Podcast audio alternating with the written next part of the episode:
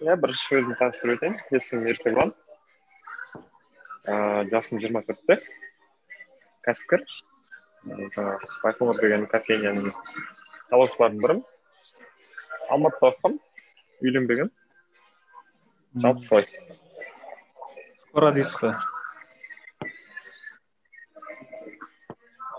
скоро иә бұйыртса иншалла алланың қалауымен ол күн де алыс емес әмин әмин жеткізсін.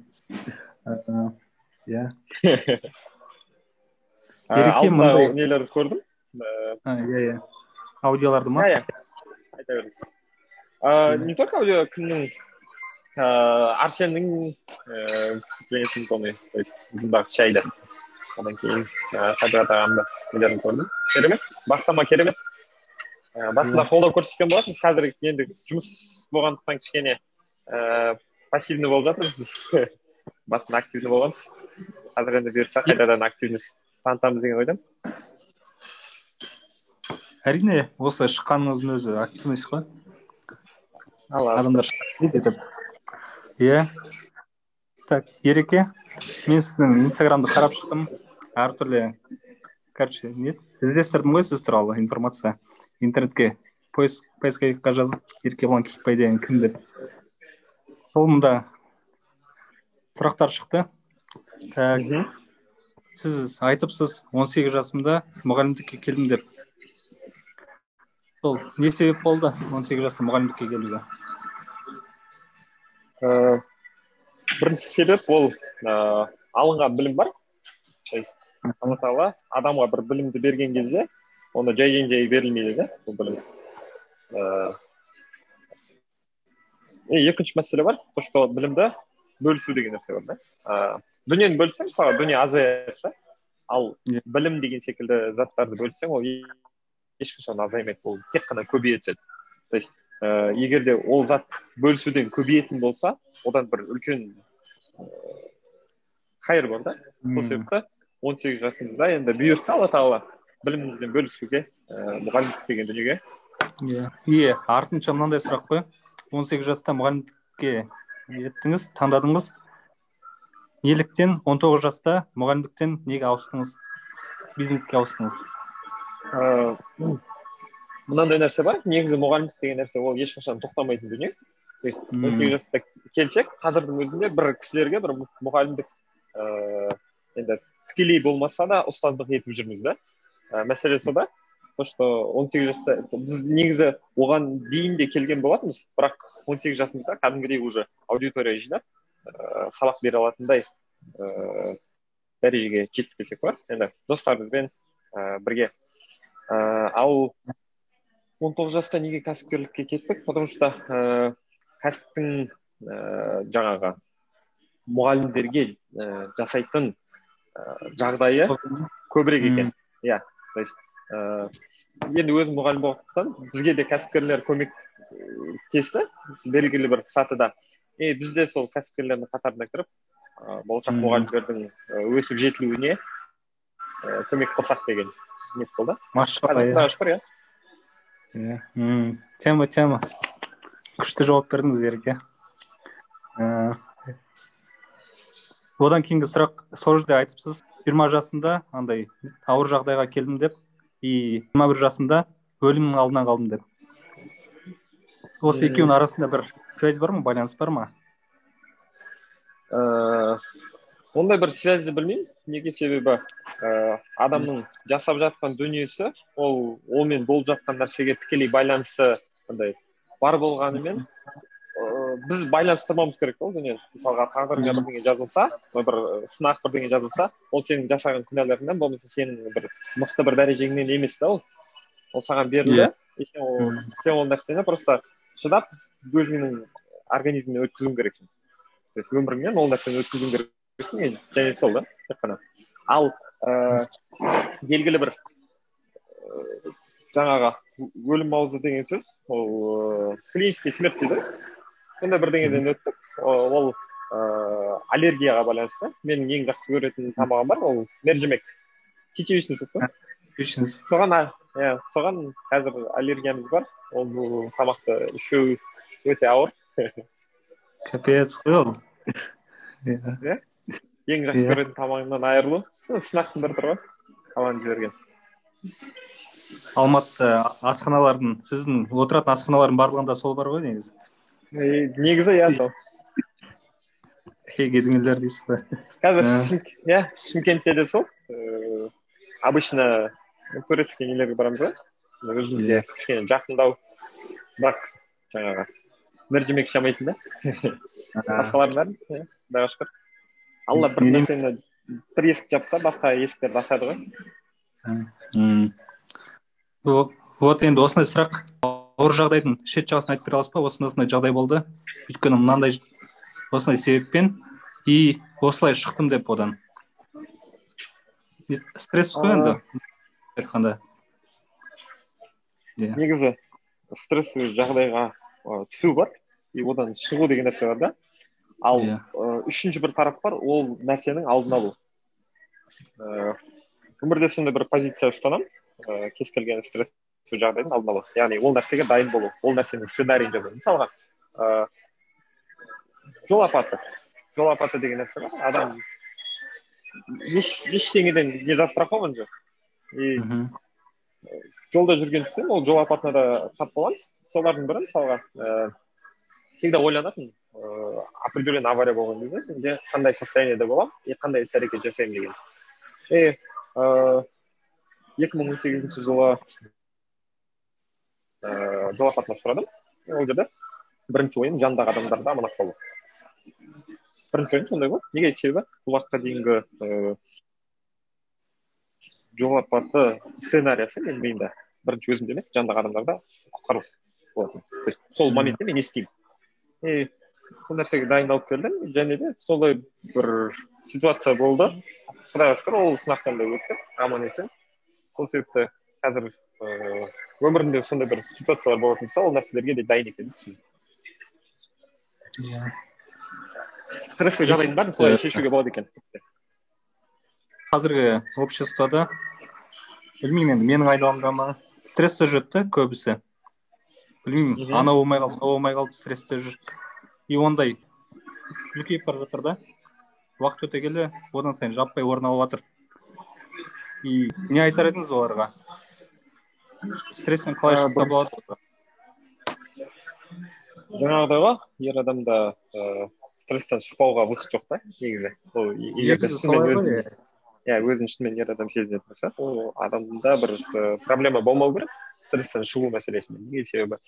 Адам определенный бір момент ыыы оянуының өзіне бір себеп болу керек қой. Мысалға ер адамда ол ата анасын достарын жаңағыдай семьясын асырау деген секілді.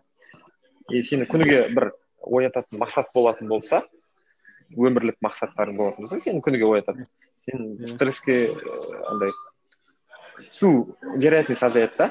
И және тағы бір нәрсе бар. Ы, бүгін оқып қалдым.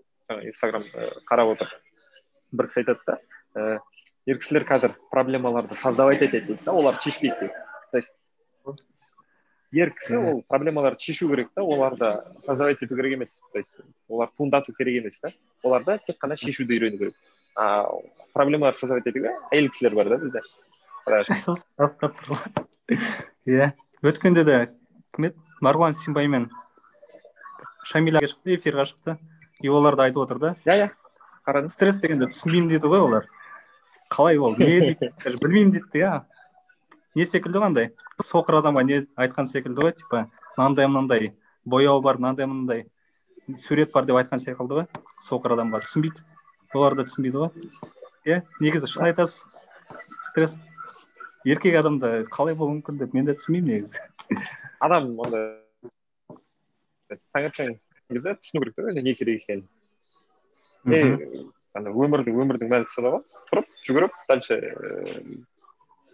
қимыл іс әрекетін жасау да ереке осы айналысып жатқан сіздердің кофейня кәсіп иә ол форматы маған ұнады андай бір ерекшелік бар жайлы айтып бере аласыз ба бүйтіп ашып деген сияқты ғой ыыы негізі кез келген жаңағы тамақтану орны болсын кез келген бір ііі помещение алайық та пространство кез келген пространствоның өзінің ііі үш түрлі нәрсесі болады да. Біріншісі ол атмосферасы. Сен кірген кезде өзі бір аура сезінесің. Екіншісі ол материальный жаңағы жағдай жасалған жағдай иә. И үшіншісі ііі ол жерге келетін адамдар. Мхм ыыы негізі бүкіл жаңағы помещение болады солай қарауға болады. Мысалға мектеп ол мектепте қалай болады адам білім алады. И ол жерде көбіне жаңағы білім алушылар. Ол жердің жағдайы білім алуға жасалған дұрыс па? Ыыы ал оның аурасы аурасы жас балдар болғандықтан ол жердің аурасы өте таза болады. Кез келген мектептің аурасы сондай таза болады. Тура сол секілді. Ыыы тамақтану орындарында қарасаңыздар өзінің определенный контингенті бар. Адам келетін адамдары соған байланысты ол жердің аурасы создавать етеді мхм. И ыыы мен студент кезде ыыы оқып жүрген кезде бір жақсы бір оқиғаны естіген болатынмын. Ыыы қазақстандық бір семья египетке ііі неге барады? Қонаққа. Сөйтеді да сол жерде ыыы енді египеттік достарының үйіне қалады. Ыыы жаңағы баласы сол египетте бір керемет бір тамақ жейді да мхм. Сөйтеді да. Қазақстанға келеді қайтып демалыс біткеннен кейін қазақстанға келеді. Қазақстанға келгеннен кейін жаңағы кісі ііі баласы мамасына айтады да осындай осындай тамақ жедім ііі жаңағы рецептісін алып жасаңызшы дейді. Мамасы тура сол рецептін алады жасайды тамақты. Баласы жеп көреді. Че то не то. Анан ананікіндей дәм жоқ та. Тағы бір рет жасап көреді тағы жеп көреді. Баласы айтады бұл бұл тамақ емес деп жылайды да.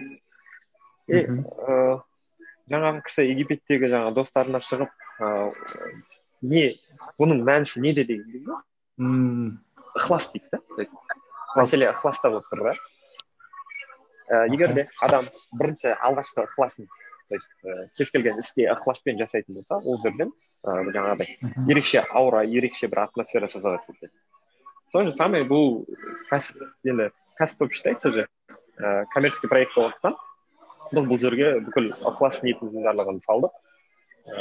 Және де соның бір ыыы отдачасы ғой фидбэк мхм. көріп жатқан нәрсеміз то есть бізге келетін кісілердің өзі жаңағыдай бір ықыласты ниетті сондай адамдар да то есть бастапқыда адам қандай ниетпен жасайды кез келген істі соңында сол нәрсені алады ғой мхм сон ал ниеттеріңіз қандай болды ниетіміз ыыы осы қалада бір ыыы өзінің бір жаны өзінің бір і несі бар?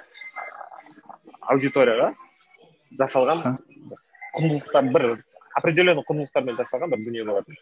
Мәдениет ошағы секілді ма сонда? Иә дәл өзі. Мм. Бұйыртса бұндай мәдениет ошақтарының бірнешесін ашамыз шымкент қаласында одан кейін уже алматы астана қалаларына. Франшиза істейін деп ма? Жоқ франшиза емес. Инвестор бойынша инвесторлар бар. Қазір уже екінші точкаге сол өзіңіздің болады мм иә управление полностью өзімізде болады неге себебі жаңағыдай ғой ыыы басқа бір управлениені алатын болса басқа бір бағытта кетуі мүмкін да ал біздің ыыы бастапқы о- ойлаған жұмыстарымыз аяғына дейін жетпей қалуы мүмкін. Сол себепті аяғына дейін жеткізу мақсатында өзімізде управление болады.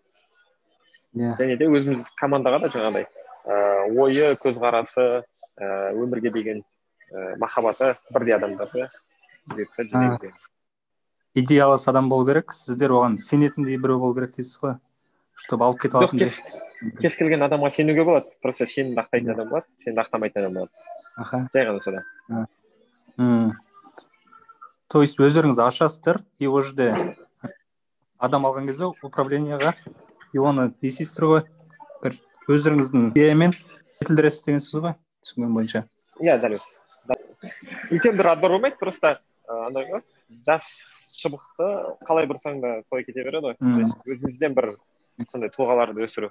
Өзімізді ағаларымызбен өсірді ғой солай үйретіп жол көрсетіп деген секілді. Иә. алдағы уақытқа жоспарларыңыз қандай бар? Андағы жерге өткенде Ыыы, естіп қалдым. Метаптар ұйымдастырып жатырсыздар айтишіктермен ұйымдастырып жатырмыз. Мхм. Енді біз- бізде бастапқы идеяны түсіндіріп өтейін. Ыыы, вот осыны ести алмай тұрмын ғой осы айтсаңызшы ашып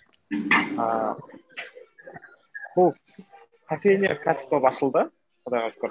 Одан кейін бізде осы шымкент қаласындағы определенный салаларды дамыту алғашқы ойымыз болған негізі. Сол салаларды дамыту үшін бір результат көрсету керек болды. А ол результаттардың бірі ол кофейня. Адамдар қазіргі қазіргі заманауи форматтағы кофейнялардың форматын қарайтын болсаңыз полноценный оларда адамдар жұмыс жасай алады кітап оқи алады мхм. тамақ іше алады. Жаңағыдай барлық жағына білім алуға басқа жағыттарына да қолайлы болу керек. Одан бөлек бұл кофейняға келетін атмосфера. А бұл кофейнядан шығатын заттар бар ғой. Мысалға қоқыс шығады. Сол қоқыстың өзін бөлек бөлек жинап өткізу деген мәселені біз қолға алғанбыз да кофейня ашылғаннан бері. То есть ресайклинг қой. Иә ресайклинг. Экологияға да бір ы, зияным тимесін деген мақсатта. Енді сол культураны да дамытқымыз келеді айтидан бөлек. Ал оны қазір ең мықты шешім ол айти продукттар саналады М. май тазалық секілділер ма? Май тазалық бар ыыы деген сияқты нелер бар. Ыыы соған көмектесіп жатқан компаниялар бар мысалға бикон білесіз ғой өзіңіз? Олардың барлығы қазір сол сол бағытта кетіп жатыр да. И ол тенденция жақсы. Бұйыртса сол Иә. негізгі ойымыз қазақстанды бір швецияның дәрежесіне жеткізсек деген ойдамыз иә. Екі саланы атап өттіңіз екі саланы. IT бар Иә, экология бар. Одан басқа қандай салалар ойда бар? Э, бұл нәрселердің бәріне жеткізетін а, бастапқы фундаментальный дүниелер бар. Соларды жүргізудеміз. Қазір ол мәдениет қалыптастыру. Адамдардың жаңағы а, э, ортада өзін өзін ұстау деген секілді. Иә екінші екінші дүние бар. Ол кітап оқу мәдениеті. Кітап оқу мәдениетінде Иә. ол ыыы артыңыздағы шкафтың.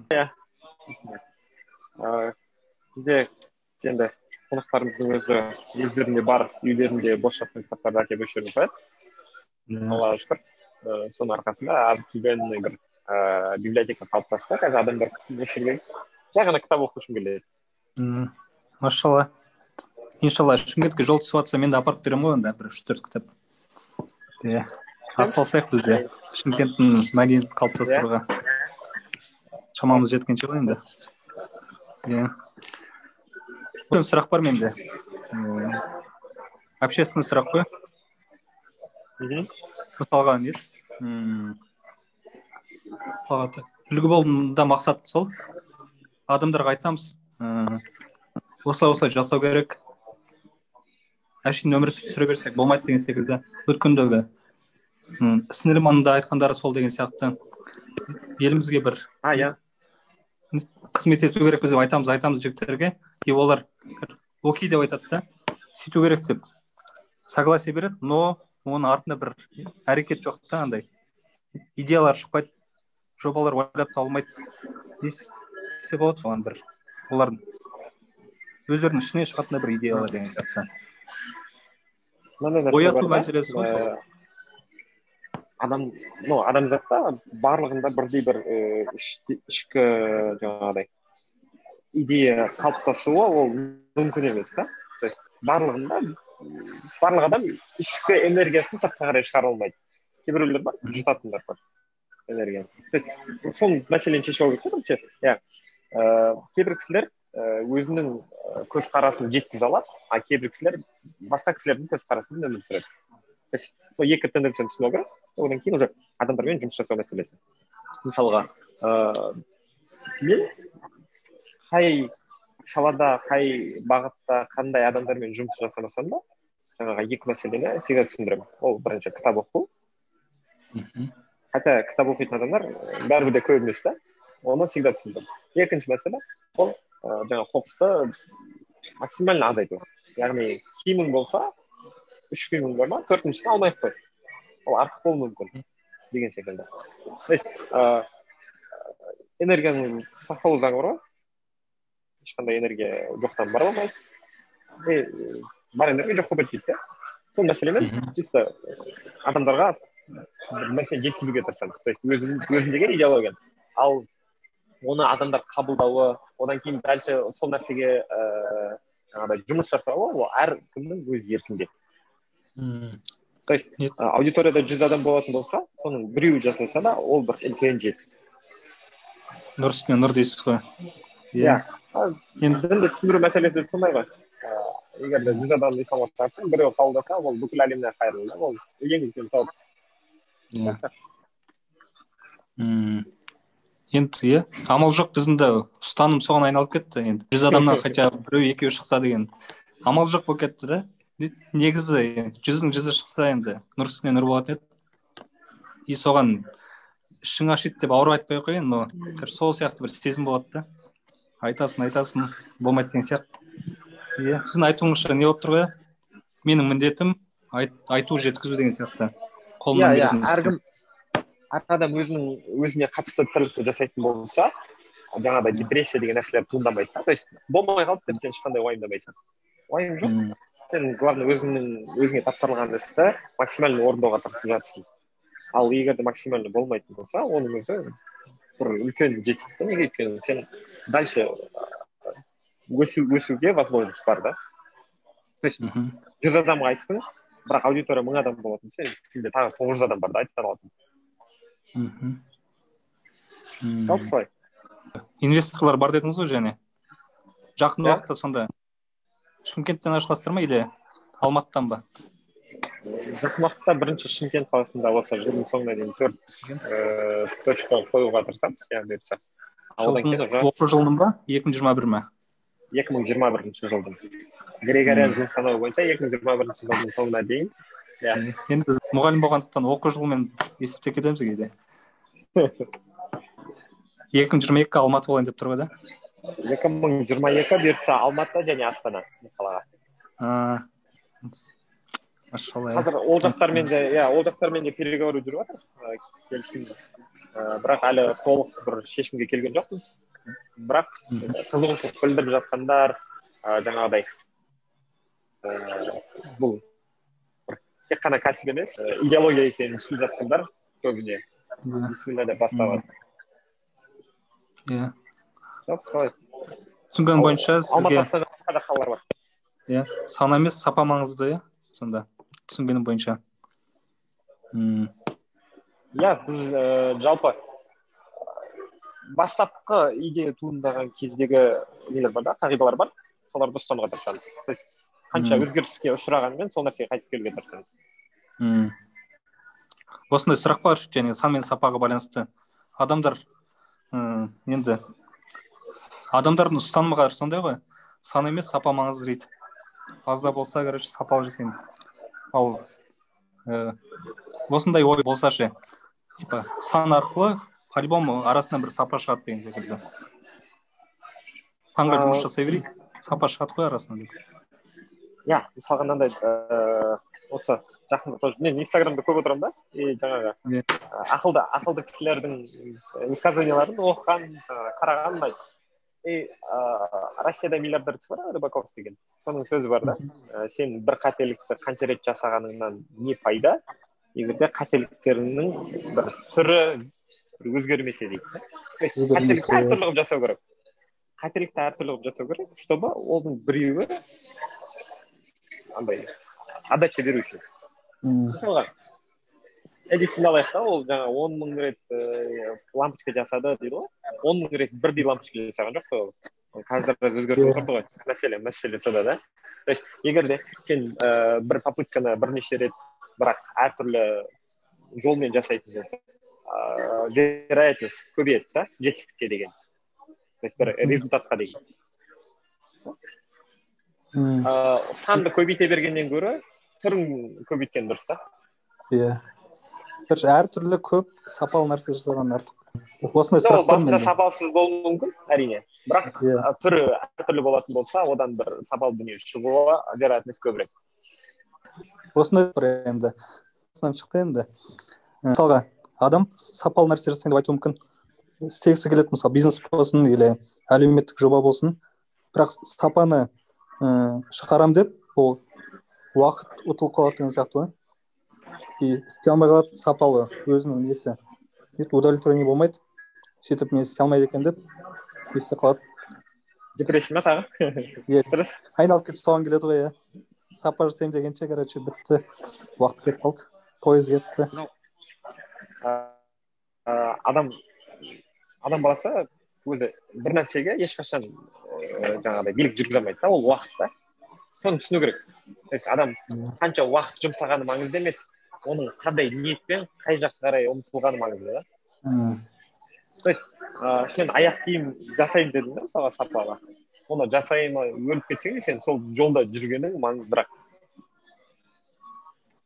Попытка жасау нәтиже маңызды. емес.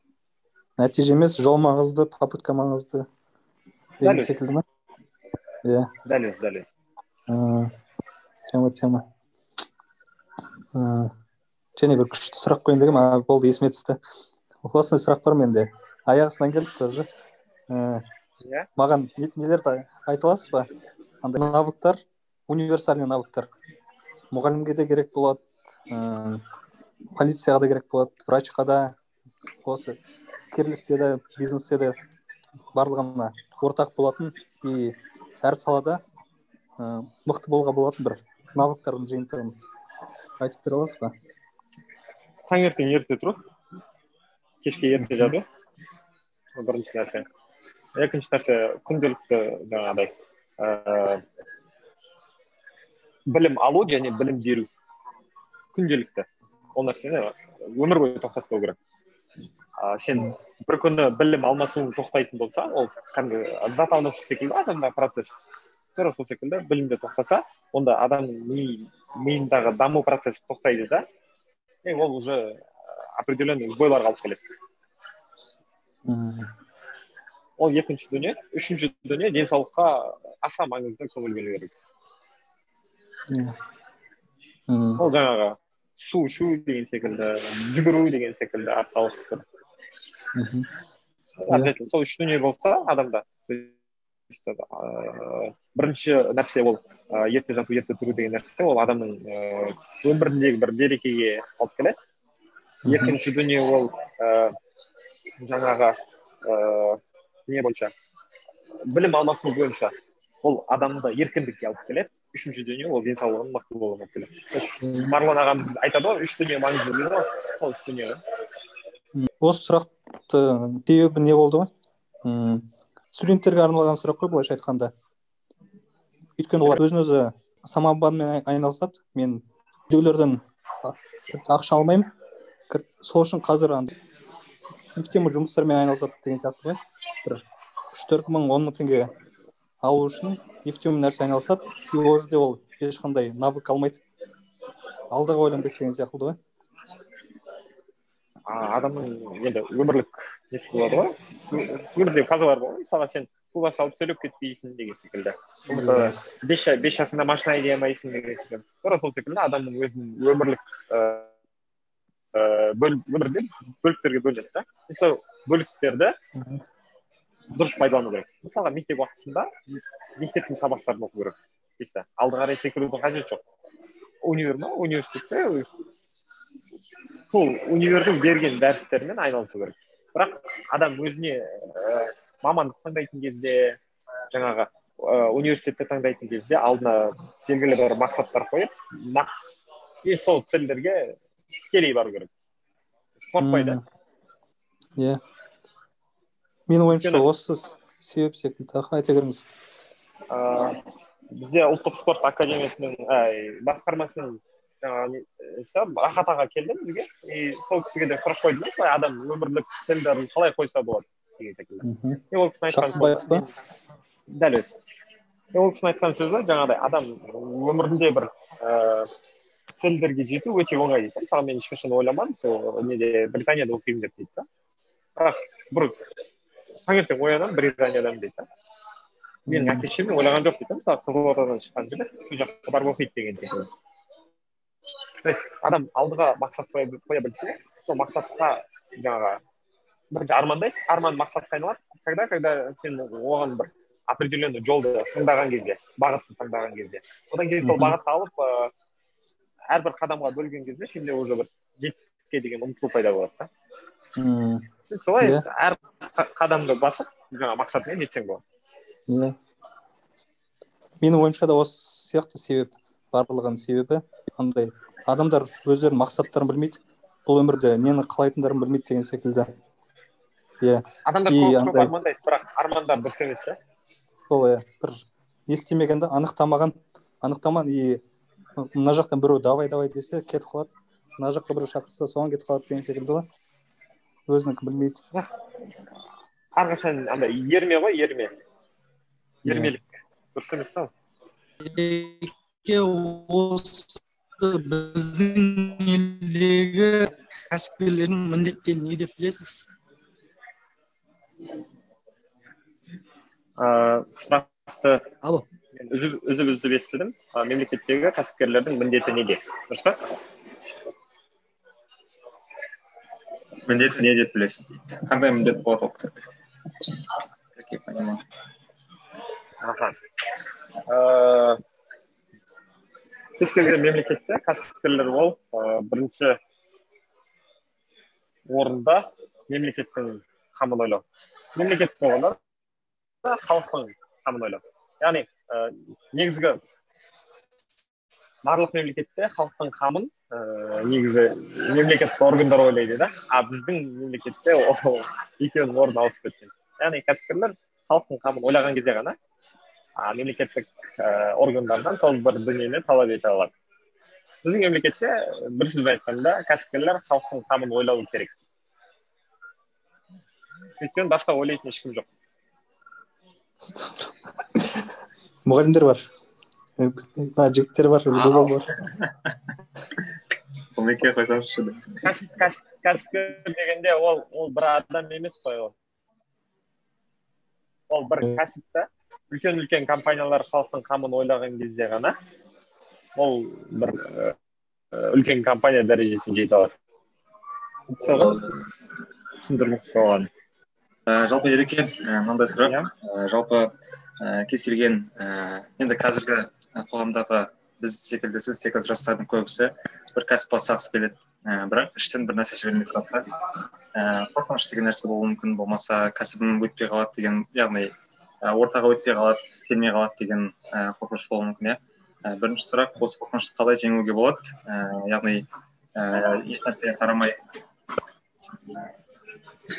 ешнәрсеге қарамай қалай кәсіп бастап кетуге болады және ә, осы қоғамда бренд қалыптастыру деген термин бар иә. Яғни бренд қалыптастыру ол ә, өзің тектес кәсіптерден ерекше беріп тұру деген сияқты тема. Ә, сол бренд қалыптастыру үшін қандай жағдай жасау керек?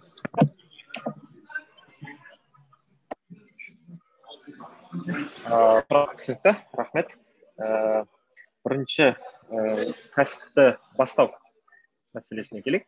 Кәсіпті бастау деген дүние ол бір бір жылдық екі жылдық жұмыс емес. Ол бірнеше жыл бойы адам өзінің ішіндегі ііі цельдарымен жаңағы арпалыспен сыртқа шығатын туынды да. Ол бір адамның емес және де бірнеше адам болатын болса ол жеңілірек болады. Неге себебі ііі ақылдасу деген мәселе бар. Кез келген дүниені ақылдасу арқылы шыңырау шегіне жеткізуге болады. Яғни бізде де ііі командамыз бар. Командамыз ііі ең басынан бастап бүкіл детальдарды каждый барлығын ақылдасу арқылы осындай бір продукт шықты бізде. Құдайға шүкір. Ыыы және де ііі кәсіпті таңдау мәселесі бар. То есть қандай салада қалай жұмыс жасаймыз деген секілді. Ол мәселеде ііі екі нәрсе айта аламын. Это біріншісі адам өзіне ұнайтын нәрсемен айналысу керек. Екіншісі халыққа пайдасы тиетін дүниемен айналысу керек. Яғни сіздің цельдарыңыз сондай болған кезде ғана сіздегі продукция ол бір ііі качественный болады деген сенімдемін.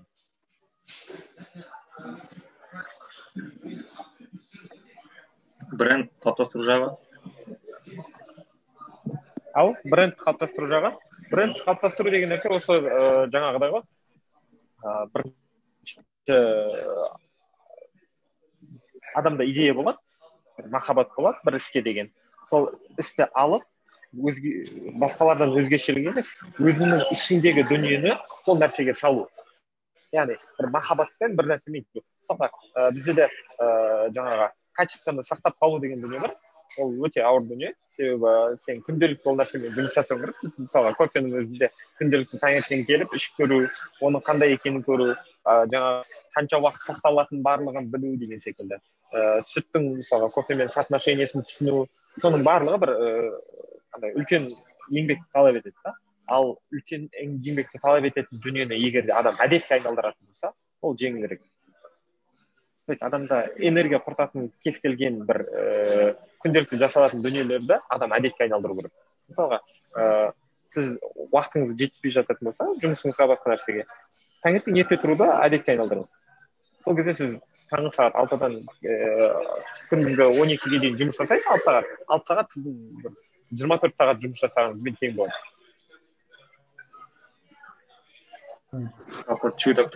Брендке де солай жұмыс жасалған кезде иә қатты бір і қиналудың қажеті жоқ та. Таңертең негізі сол таңертеңгілік уақыттың берекесі да ғой. Ііі көп жұмысты сол уақытта бітіретін болсаңыз қалған уақытыңызда сіз ііі өзіңізді өзіңіз дамытуға достарыңызға отбасыңызға көңіл бөлсеңіз болады. Біздің қазір ең үлкен проблемамыз сода да біз і уақыт деген мәселені дұрыс қарамағандықтан жаңағы отбасымызға бөлінетін уақыт бөлінбегеннен кейін отбасымыз бізге жаңағы өзінің претензиясын айтады. Достарымызға бөлінетін уақыт бөлінбегеннен кейін олар да өзінің претензиясын айтады. Солай солай ыыы нелердің приоритеттерін орнын ауыстырып қойып жатырмыз.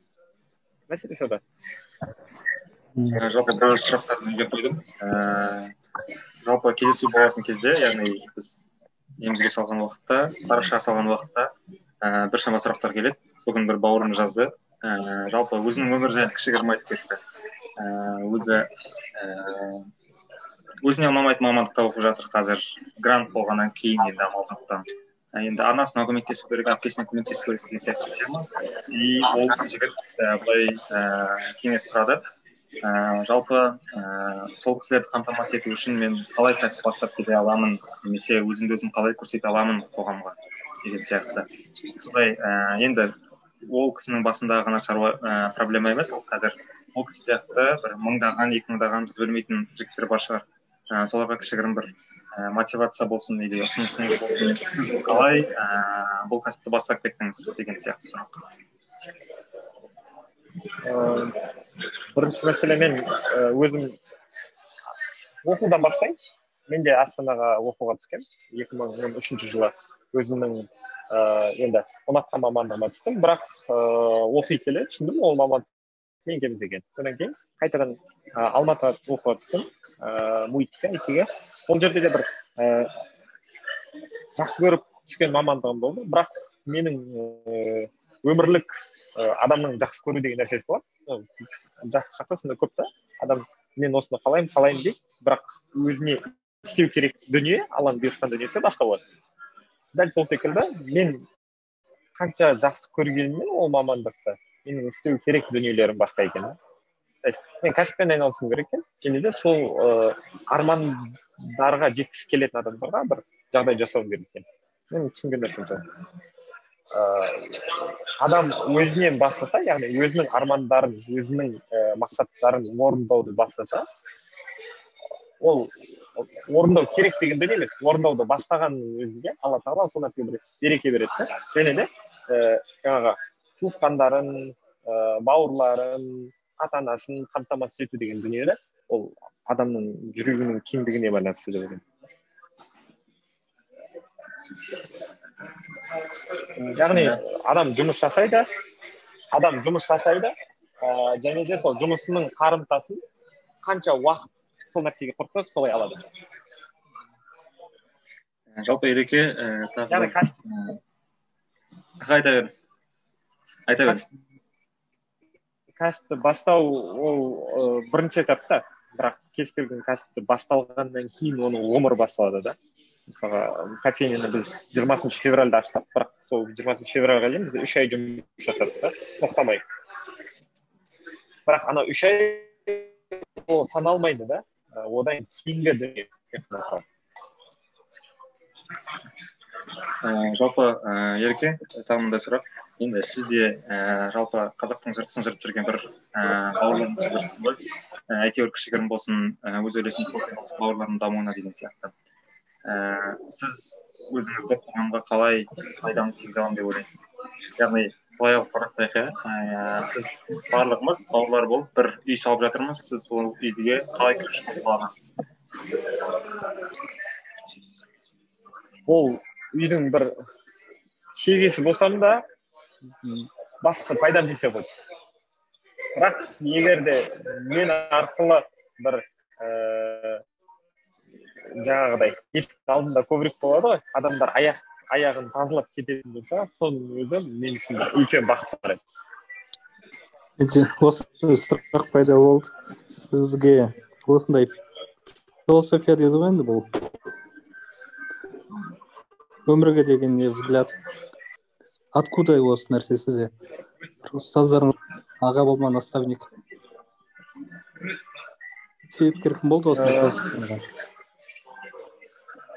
ол жерде бір себепкер адам деп ойламаймын. Себебі ыыы адам отбасынан басталады ғой тек барлығы. Отбасында бір определенный фундамент қалыптасады. Одан кейін мектепке барады мектеп то есть адам бір жерден ғана білім алып қоя салмайды да адам жан жақты.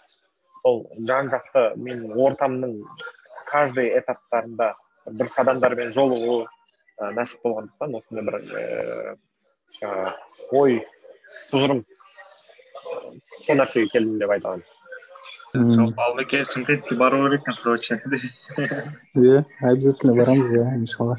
Давайте. Шығайын ба ертең алматыдан? Осы жерде азат бауырымыз сұрақ қойыпты сізге.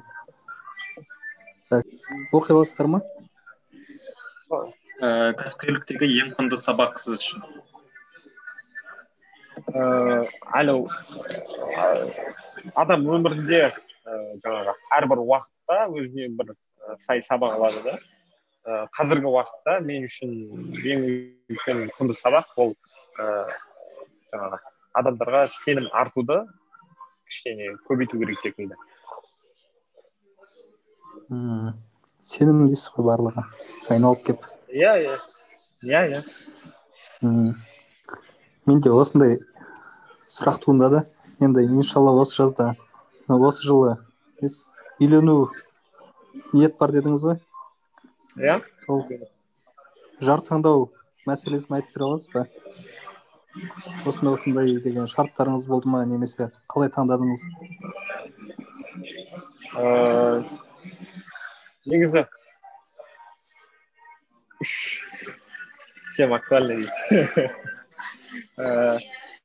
жар мәселесі әлі де андай бір үлкен толғаныста жүрген дүние бірақ аллаға шүкір бір бір дүниеге келдік бір сабақты алдық деген секілді қазіргі моментте ол мәселеде таңдалған адам бар құдайға шүкір ііі сол бойынша бір алланың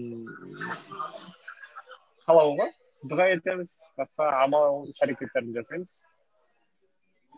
Иншалла.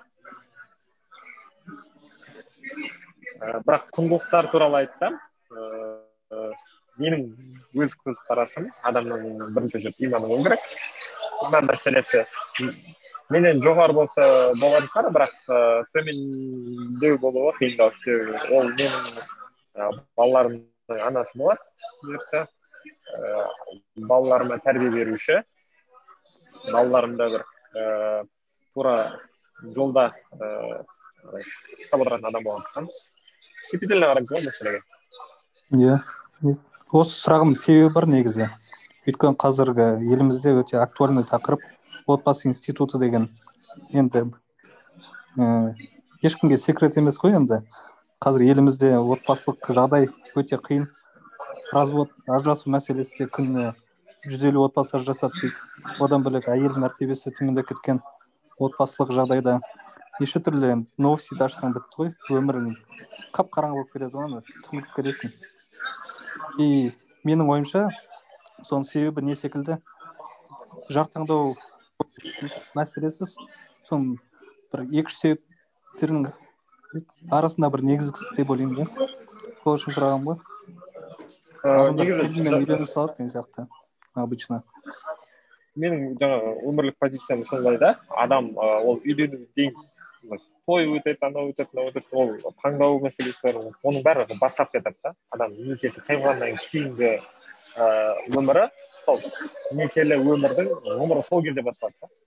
Адам некесі қиылады одан кейін уже сол нәрсеге келесің сен түсіне бастайсың не істеп жүргеніңді қалай істеп жүргеніңді өмірлік вообще ыыы адамдармен қалай қарым қатынас жасап жүргенде өйткені адам мысалы ер азамат болғаннан кейін ол үшінші жұрт пайда болады. То есть адамда өзінде өз жұрты нағашы жұрт болып кетсе одан кейін уже қайын жұрт пайда болады деген секілді.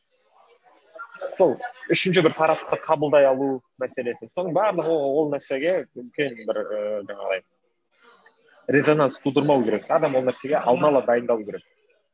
Алдын ала дайындық болмаған кезде ғана ә, жаңағыдай бір сценарий болмаған кезде ғана адам кез келген өмір жаңағы қақтығыстарда үлкен опық жеп жатады.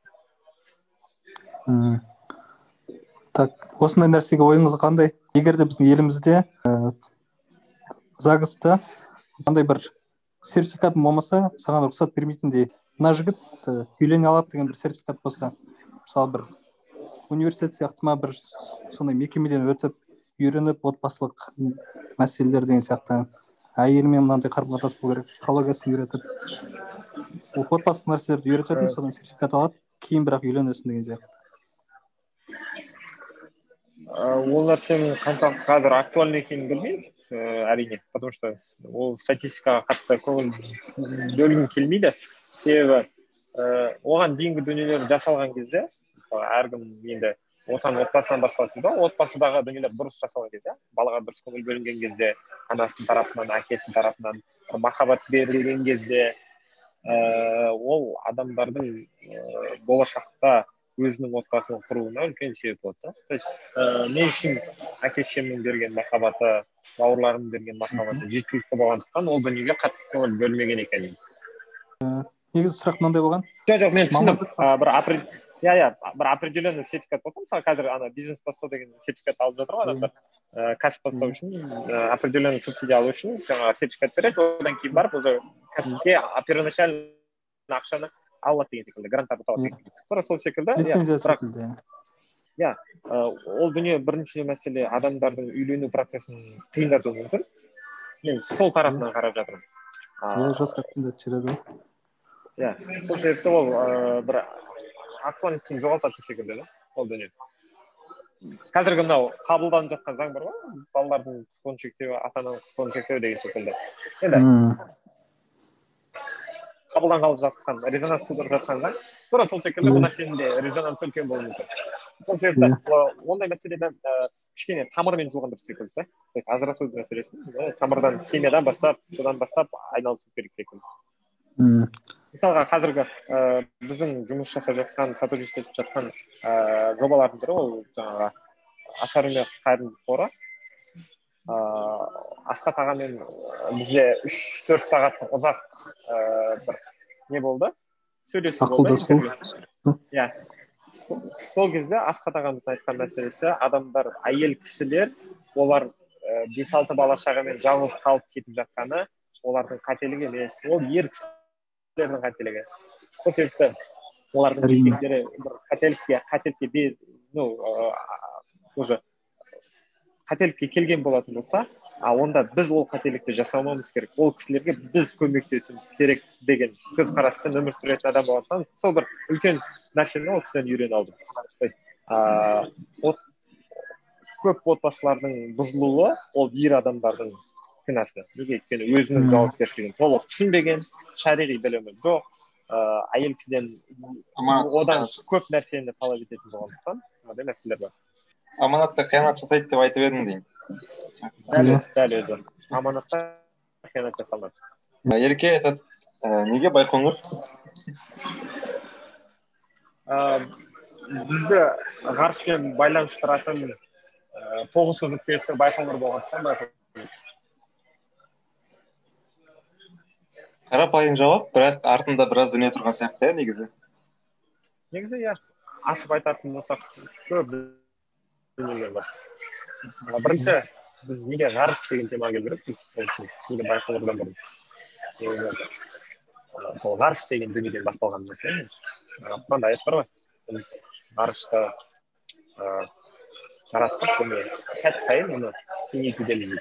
Дейді сол дүниеден шыққан то есть біздің де ойымыз сол аятқа сай сәт сайын кеңею болады ііі жалпы иә қазіргі бауырларымыз ііі бір кәсіп бастағысы келеді бірақ өзіне керекті кәсіп таба алмайды яғни өзіне қажетті сфера дейді болмаса категория ә, соны қалай дұрыс таңдауға болады деген сияқты иә мысалға ә, біреу байқап көреді мысалға біреу ә, мысалға жаңағы мусульманский заттар сатады біреу тағы шығармамен айналысады деген сияқты. Қазір кәсіптің түрі көп қой. Бірақ өзінің жан дүниесіне керекті кәсіпті ә, бастап кету шамалы ә, шынымен қиындау болады адамға. Ә, сіздерде неге не үшін кофе ә, не үшін бұл кәсіп деген сияқты? Ә, жалпы бәлки шымкент соған ыыы қажет бол ыыы қалай айтайық? Мұқтаж болды ма деген сияқты. өйткені ыыы боль мысалға сатып алушының болі деп қарастырады ғой. Ы соны қалай таба алдыңыздар? Ыыы жаңағыдай негізі адамдар спросқа қарай жүреді ғой. Енді біз ол мәселелерді қарастырдық жұмыстарды жасадық жаңағыдай кәсіп болғандықтан оның рекламасымен жұмыс жасадық басқасымен жұмыс жасадық. бірақ бірінші біздің бергіміз келген дүние ол ғарыш туралы мағлұмат кофе туралы нақты мағлұматтар дұрыс деректерден десек болады. Одан кейін үшінші дүние адамдарға жайлы жұмыс орны. То есть адамдар келіп бізге күндізгі уақытта жұмыс жасай алатындай кешке келіп демалып достарымен отыра алатындай бір қолайлы орын ашқымыз келді. Соған қаласа қазір ыыы күндіз де кешкісінде кофейнямыз толы ыыы орналасқан орындарыңыз да мықты екен бірақ машалла дәл мешіттің жанында ыыы кофеге кофеге шамалы ыыы әлсіздеу кісілер ғой бұл жерде тек қана емес шайлар бар басқа нәрселер бар мәселе пр- продуктыда емес мәселе бұл жерде де бере алған атмосфераға байланысты деп ойлаймын атмосфера иә иә біздің алғашқы ойлаған мақсаттарымыз орындалуда иә әйтеуір сіздерге барған кезде атмосфера ма литрлеп ішіп кетемін мен андай ашылып кете ме біресе вот бару керек екен негізі басында мен ііі арсен бауырымыздың несінен көргем ііі историяларынан сіздерді ііі сол кезде шамалы қызығушылық туды неге олай жасады кім тұр бұның артында деп и болды бәрі түсінікті болды ііі аллаға шүкір болды бисмилля шымкент жди нас болып тұр албеке шымкент наш наш болып тұр ғой Иә. иә келіңіздер қонақ болыңыздар күтеміз иә мешіт өйткені әлі біткен жоқ бұйырса мешіт те бітіп жатса жақсы бір иә өткенде мысалға ыыы үлгі болдың яғни біздің ііі кітап бір талқылау болды ғой сіздерде иә иә Аха, Ыыы, сол- оны тұрақты түрде жасаймыз деп ойлаған едік мен қазір кішкене жұмыспен үзіліп қалып жатыр сол жайлы айтып кеткен айтып кетсеңіз кішігірім. Не болды деген сияқты. Бізге қызық өйткені. Ыыы біз і негізі кәсіпті бастаған уақытта ыыы определенно жаңағыдай енді целярымыз болатын белгілі бір салаларды дамыту деген. Олар жаңағыда айтып өттім кітап оқу саласында дамыту деген. Сол ыыы бір бағытта көзімізде де жаңағыдай байқоңыр бук стейшн деген бір күнді өткіземіз деп ойладық бірақ енді әлекең тарапынан жаңағыдай бір ұсыныс түсті. Үлгі болдың ыыы кітап оқу күндерін осы жерге ұйымдастырсақ деген.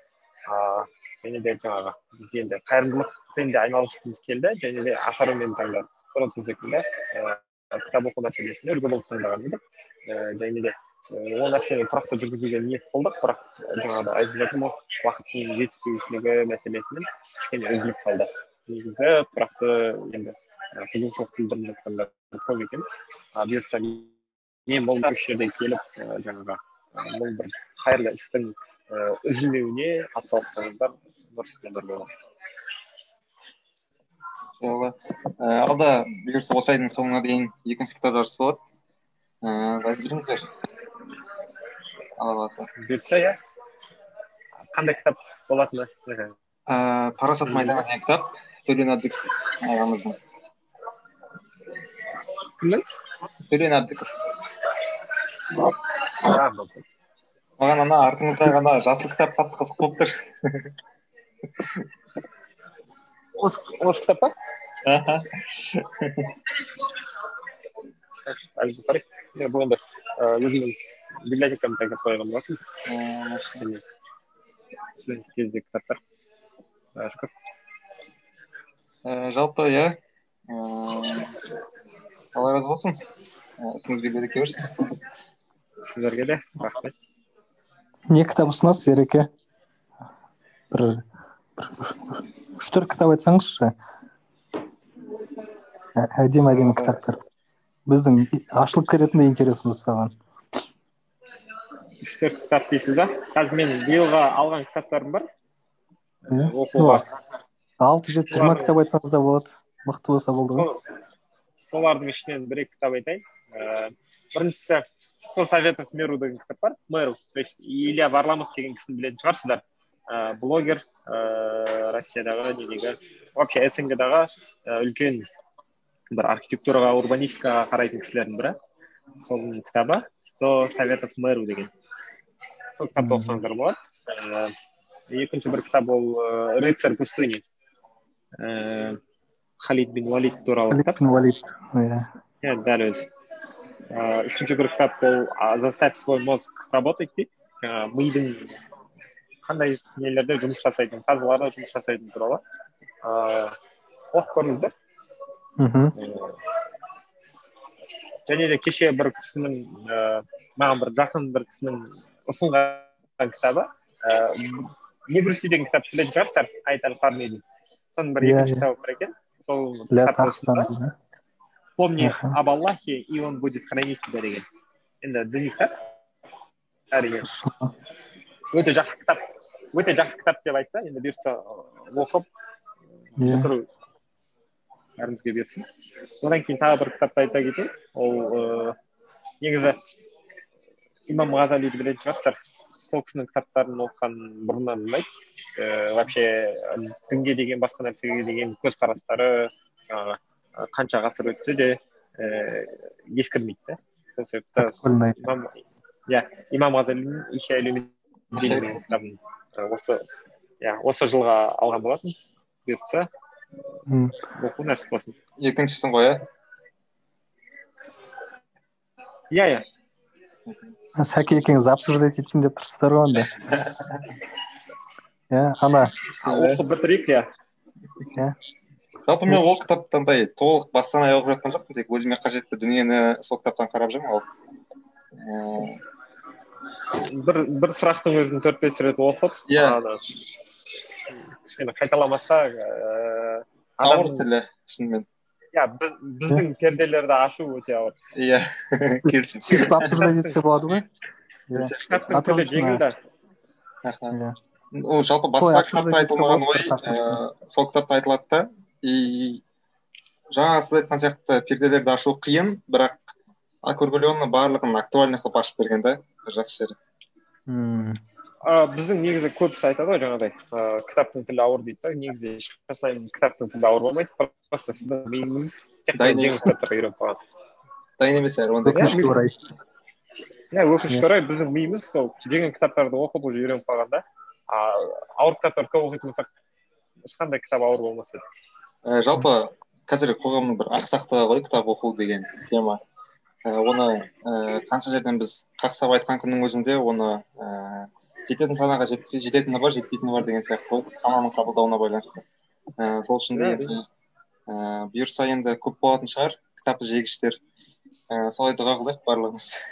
Әмин. Әрине. Ереке осы сто советов миру деген ішінде архитектура арқылы бір атмосфера ыыы шығару ма сонда? Түсінгенім бойынша.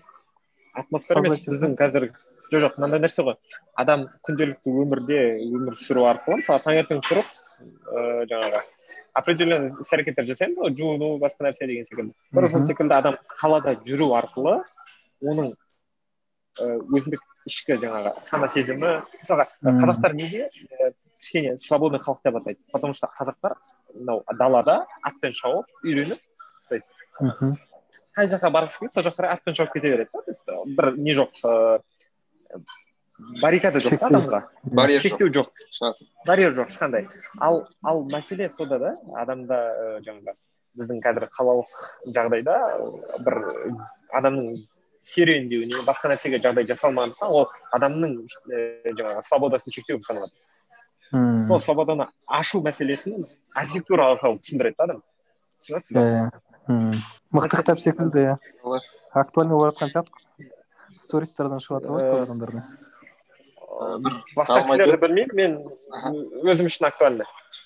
Иә. Ыыы бір ғалым кісінің айтқан сөзі бар ғой кім екенін ұмытып қалыптырмын мен әр кітапты оқыған сайын өзім надандығыма көзім жетеді деп. Иә мысалға мен қазіргі заманауи тілмен айтатын болсақ ііі қазіргі біздің ііі үлгі бол бойынша әр кісімен кездескен сайын шынымен бір ііі тіеп ұстап қаласың да сөздерінен. И потом ол көмектеседі кәдімгідей өмірде. Ііі өйткені алғашқы қазір төртінші кездесу сізбен енді? Алдағы үш кездесу енді үшеу үш бөлек болғанымен бірақ ыыы айтар ойы түптің түбіне келген уақытта ііі бір терінің пұшпағын илеп жүр деген тема ғой короче. Ііі сол жастарға келіп айналып келеді деген. Иә машалла. Тоқтатпау керек негізі сондай да алла разы болсын осындай бір істің басталуы ол ыыы жаңағы істің жүруі өте үлкен нәрсе да ол бір результатқа жеткізбесе де енді қазірдің өзінде үлкен результат та бірақ соның өзі андай адам ол жолда жүруінің өзі үлкен бақыт Мхм. то есть мысалға қазір қанша адам кіріп жатыр оның барлығы бір білім ізденсем бір результатқа жетсем бір мақсатым бар соған бір қандай қадам жасасам деп бір іздену үстіндегі адамдар деп ойлаймын да. Короче өзімізде. Иә құдайға шүкір иә А, мысалға каждый адамның жаңағы сондай ерекшелігі бар ғой. Сол арқылы көп дүниелерді жасауға болады да. Иә жалпы алла Дұрыс разы айтасыз, болсын ереке сіздерге де алла разы болсын.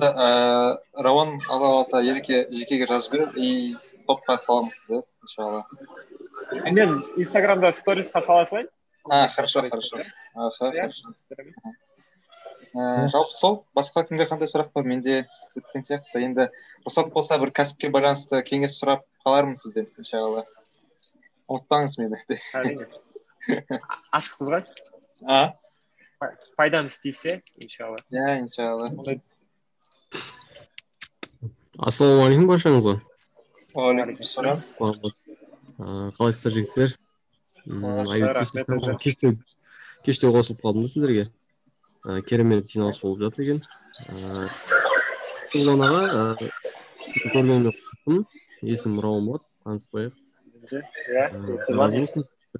жақында осы инстаграм көріп оқып кішкене қарасам шынымен де бір ойланатын дүние екен бірақ іштей қуандым да шынымен қазақтың қазіргі жастарынан осындай ыыы күшті идеялар алдыңда туатын сияқты да сіз жаңағыдай ыыы садақа жасау дедіңіз ғой жүз жүз теңгелік әр адамнан ба?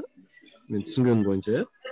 Жоқ мынандай ғой соны иә бір түсіндіріп өтейін. Біз асар мен қайырмұхормен бір сөйлескен кезде бізде ыыы, определенный бір осылай осылай жұмыс жасаймыз деген бір ой қалыптасқан жоқ. Чисто энтузиазм болды неге себебі біз қайыр- осы кәсіптен түскен бір қаражатты бір бөлігін қайырымдылыққа жұмсаймыз деген ниет болатын. Ең басында кәсіпті ашпай тұрып и және де ы, асармен сөйлестік жаңағы асхат ағамен.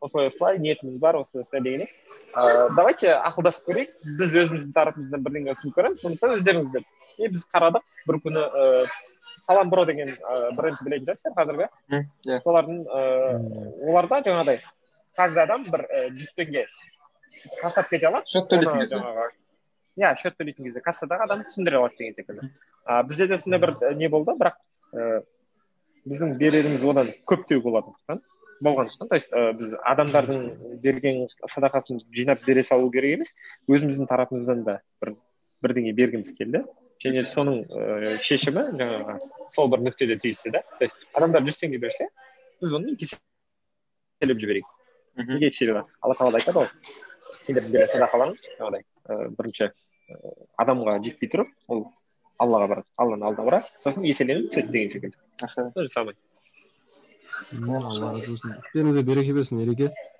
Әмин иншалла бір сұрақ істе бірге атсалсақ иә? Ыыы не ғой жаңағыдай мысалы болады ғой кейде. Ы зона комфорта дейді ғой бізде. Аха. Ә, сол сіздің жағдайыңызда мысалы сондай жағдайлар тұру- туып жатса жаңағы зо- зона комфорта. Ол мәселеден қалай шығасыз? Ә, қандай әрекеттер арқылы немесе бір лайфхактар болса айта кетіңізші. Ә, бірінші нәрсе айтайын. Ә, алла тағала маған төрт әпке бір ағаны бұйыртты. То есть біздің семьямыз үлкен алты адамбыз үйдің ең кішісімін. Сол себепті менде ешқашан зона комфорта болмайды Ә, қамшылап отыратын адамдар бар. Алла разы керемет. Жалпы сондай адам ыыы жауапкершілікті өзі алу керек. Ол, кісілер маған жауапты мен де ол кісілерге жауапты екенін түсінгендіктен мен ешқашан зона комфортада тұра алмаймын одан бөлек менің достарым бар одан бөлек мені қоршаған айналамдағы адамдар бар. Барлығына бір жауапкершілік ала алғандықтан адам ешқашан зона комфорта деген дүниеге кіре алмайды. Негізі сондай басқа біреулердің бақыты үшін өмір сүру ол адамның өзінің бақытына итермелейді. Иә ереке ііі сол алла разы болсын. Бәрімізге. Ііі, сол рахмет уақыт бөліп келіскеніңізге кездесуге. Ііі жалпы енді барынша тоқтатпауға тырысып осы ііі бір жобаны негізі ііі кәдімгі живой контентпен кіреміз деп ойлап едік. Там видеомен деген сияқты кәдімгі подкастпен. Ііі хайыр осы болған шығар бәлкім ііі андай ғой адам қолынан келгенін жасаса деп сала одан Иә. да үлкен нәрсенің бар. Иә қолдан келгенше енді не келеді қолымыздан барлығын беруге тырысып жатырмық енді. Біз де бір і оқып тастаған ііі жігіттер емеспіз енді. Ііі өзіңнің біреумен біреу дамыта отырып біреу өзіңнің қалай дамығанын білмей қаласың дейді ғой. Иә мақал бар? Ііі білемін деген молданы жамағаты білімсіз қылады білмеймін деген молданы жамағаты білімді қылады деген сияқты. Ііі сол жалпы. Ә, сіздерге рахмет. Ә, бір мүмкіндік бергендеріңізге. Ә, бар арқалаған жүгімізбен кішкене бөлісу ә, нәсіп болды. Сіздердің арқаларыңызда. Ә, сіздерге рахмет. Осылай бір ә, істі бастап жүргізіп ә, тоқтатпай ә, атсалысып жатқандарыңызға шымкентте күтеміз. Жоба подкаст қылуға дайын жүріңіз. Иә. Иә бұйыртса әрине. Осындай идея бар менде. Үлгі болдың атымен. Ар жаққа бару ғой. Шымкентке барып шымкенттің әдемі жерлерін аралау деген иә әрине келіңіздер. ой бар ғой. Иә. Мен боспын сабағым бітті де. Иә. Ол иә екеуміз ғана емес осы үлгі болуға объявление жіберіп иә барлығын анықтап шыққан әрине. және машинасын барлығын қону иә сондай дүниелермен айналысатын адамдар бар ғой солармен де жаңағы коллаборация жасап мхм әрине болады ғой күтеміз сол рахмет барлықтарыңызға атсалысып жатқандарыңызға бір қоғамды бір жақсы жаққа қарай бұру мақсатында барлығымыздың жаңағы синергиямызға әрине